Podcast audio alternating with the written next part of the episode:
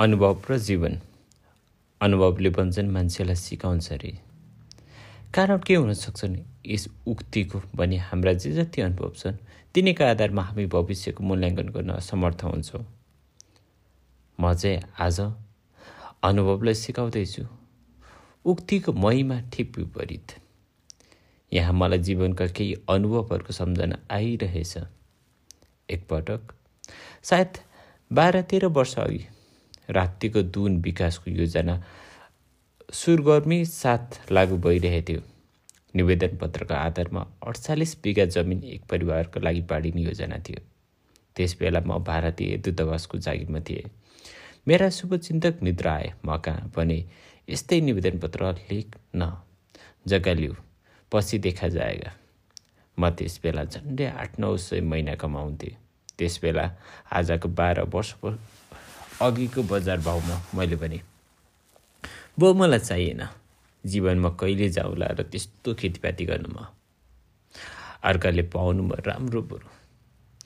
अरूको ठाउँमा म किन ओगटु मलाई त्यस बेला साथीभाइले त मूर्ख रहेछस् भने म हाँसिदिएँ कारण के थियो भने मैले तिनै ताका एक जीवित आदर्श देखिएको थिएँ। र मलाई लागेको थियो म त त्यत्तिकै महानताको अनुसरण गर्छु। कुरा के भयो भने तिन ताका भारतीय दूतावासमा राजदूत भगवान सहाय थिए भिडल आए। नेपालको औद्योगिक विकासका केही कल कारखाना राख्ने उद्देश्यले। उनी दूतावास के मेहमान भनेर बाचुन्जेल र जाने बेलामा एक थान कपडाले उपहार दिएर गए। दूतावासले चाहिँ नाइ भन्न सकेनन्। स्वीकार गरे। तर त्यो कपडाको थानमा बजारमा बुझेर उनले भारतीय सरकारको खातामा पुरा मूल्य चुक्ता गरिदिए। अनि सिभिल सर्भेन्ट थिए। कसैको उपहार ग्रहण गर्ने उनी असमर्थ थिए र मित्रलाई चुत्त देखाउन पनि चाहन्नथे। यसपटक घटनाको लगत्तै पछि म कसरी अडचालिस बिघाको दौडमा हाम पालु हँ? अनेक कारणवश म ढाक्रे। एउटा बसमा यात्रा गरिरहेछु। मेरा साथमा एउटा यस्तो यात्री छ जो दुवै किनारमा किनारका जग्गाधनीको नाम जान्छ। ऊ मलाई बताउँदै जान्छ। अनायास म बिउजन्छु। मेरा मित्रहरूको नाम पनि सुन्छु अनि खेततिर हेर्छु र धान मकै र अनेक अन्नले लटरममा हरियाली बिच ससानो छाब्रो र ससानो परिवार देख्दा मलाई लोभ लागेर आउँछ। मित्र मेरा मित्रहरू अझै उपत्यकामा छन्।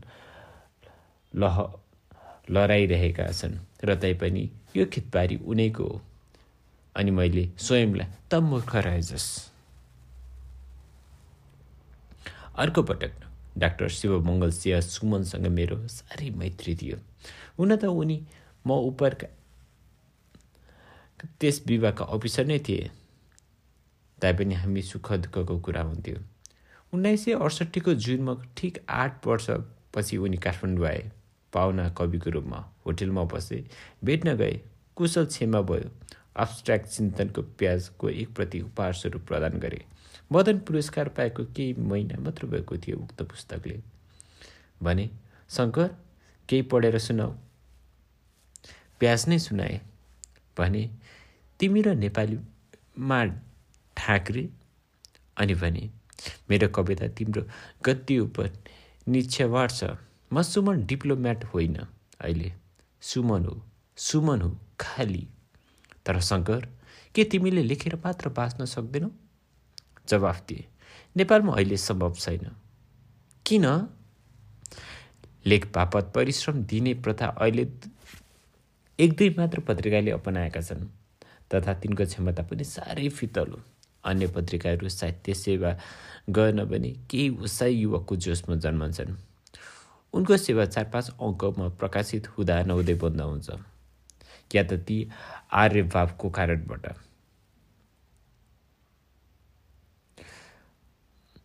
या त ती परिश्रमको लगनशीलताको कमीबाट या विद्यार्थीहरूको जोसको उपज हो भने जाँच र जागिरको अवरोधबाट बन्द हुन्छन् र ती पत्रिका लेखकलाई परिश्रम दिने कुरा जान्दैनन् पनि।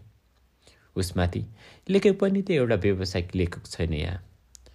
मुख्य व्यवसाय तिनको अर्को हुन्छ। ती सरकारी सेवा प्रोफेसनल प्रोफेसनरी मास्टरी छापाखाना क्लर्क व्यापार जेसुकै गरे पनि चाहे चाहे पूर्वजहरूद्वारा सञ्चित गर्छका जमिनको आर्यबाट बाँचे पनि। साहित्य सेवा एक सुखको लागि एक इज्जतको लागि एक प्रसिद्धको लागि गर्दछन्। प्रकाशित हुन पाउनु र प्रसारित हुन सक्नुमा उनलाई असन्तोषको परिश्रम मिल्छ भारतमा पनि बढी पाठक भए पनि यस महारोगबाट पनि हामी उन्मुक्त हुन सकेका छैनौँ। कसैलाई सरकारी सेवा कसैलाई बम्बईको फिल्म लाइनले थानिहाल्छ हो यो त ठिकै भन्यौ। तर पनि म लेखेको भरमा बाँचिरहेछु। कुनै पत्रिकाले पच्चिस दिन्छ कुनैले तिस कुनैले चालिस र कुनैले अनमोल उत्साह हालैकै कुरा मित्रमण्डलीको एक आत्मीय गोष्ठीमा म पुगेँ। त्यहाँ प्रवासबाट आउनुभएको एक कविको स्वागतमा आयोजना गरिएको थियो। हामी अन्तरङ्गको बाह्र पन्ध्रजना थियो। सन्तान थरी थरीका भनौँ। कारण त्यहाँ व्यवसायमा विभिन्नतामा आत्मीयताको तादम्य थियो। मेडिकल सर्भिसेसदेखि इन्टरनेसनल सर्भिस कमर्सदेखि इन्डस्ट्री प्राइभेटदेखि पर्सनल सारा व्यवसायको जमघट भए पनि ती दस चार बजेको बिचमा जीवन थिए र हामी भेला भएको थियौँ। छ बजे। त्यसकारण म त्यसकारण सब स्वतन्त्र र सब कला प्रेमी कलाकार बनेका थिए। कसो कसो वातावरण चिमोटाइबाट होला पनि होला। मैले पनि के सुनाउने अटुट गरेँ। खल्तीमा रहेको लेख चिकेर पढेँ। वाह वाह त सधैँ हुन्छ नि। त्यहाँ एउटा अनौठो घटना भयो। मित्र एक सम्पादक पनि थिए। अन्तिम पक्ति के पढिरहेको थिए। कागज हातबाट पुत्त खोसे उनले खल्तीमा राखी अनि भने शङ्कर यो मेरो पत्रिकामा छाप्छु छाप्छु। भने दाई मैले यो अरूलाई दिइसकेको छु। यो पुस्तकमा सङ्ग्रहको रूपमा आउँदैछ। यसमाथि मेरो अधिकार छैन। भन्छन्। तिमीले भनेको मूल्य दिन तयार छु। तर यो कुरा छाड्दिनँ म। मलाई लाग्यो उनी भाव बेसमा छन्। भने यसमा अझै पालिस लगाउनुहोस् दाई यो त मैले त्यसै अहिले सुनाइ मात्र दिएको भन्छन्। मलाई यत्तिकै खस्रो भए पनि पुग्छ। यहाँ एउटा रमाइलो सम्झना आयो। उनी दाइले बोलाएको विदेशी एक भाषा भाषामा मेरो लेख। जो उनीको पत्रिकामा छापेको थियो अनुवाद भएछ। त्यही मुलुकमा जाँदा त्यसको अनुवादकर्ताले केही शब्द नबुझेको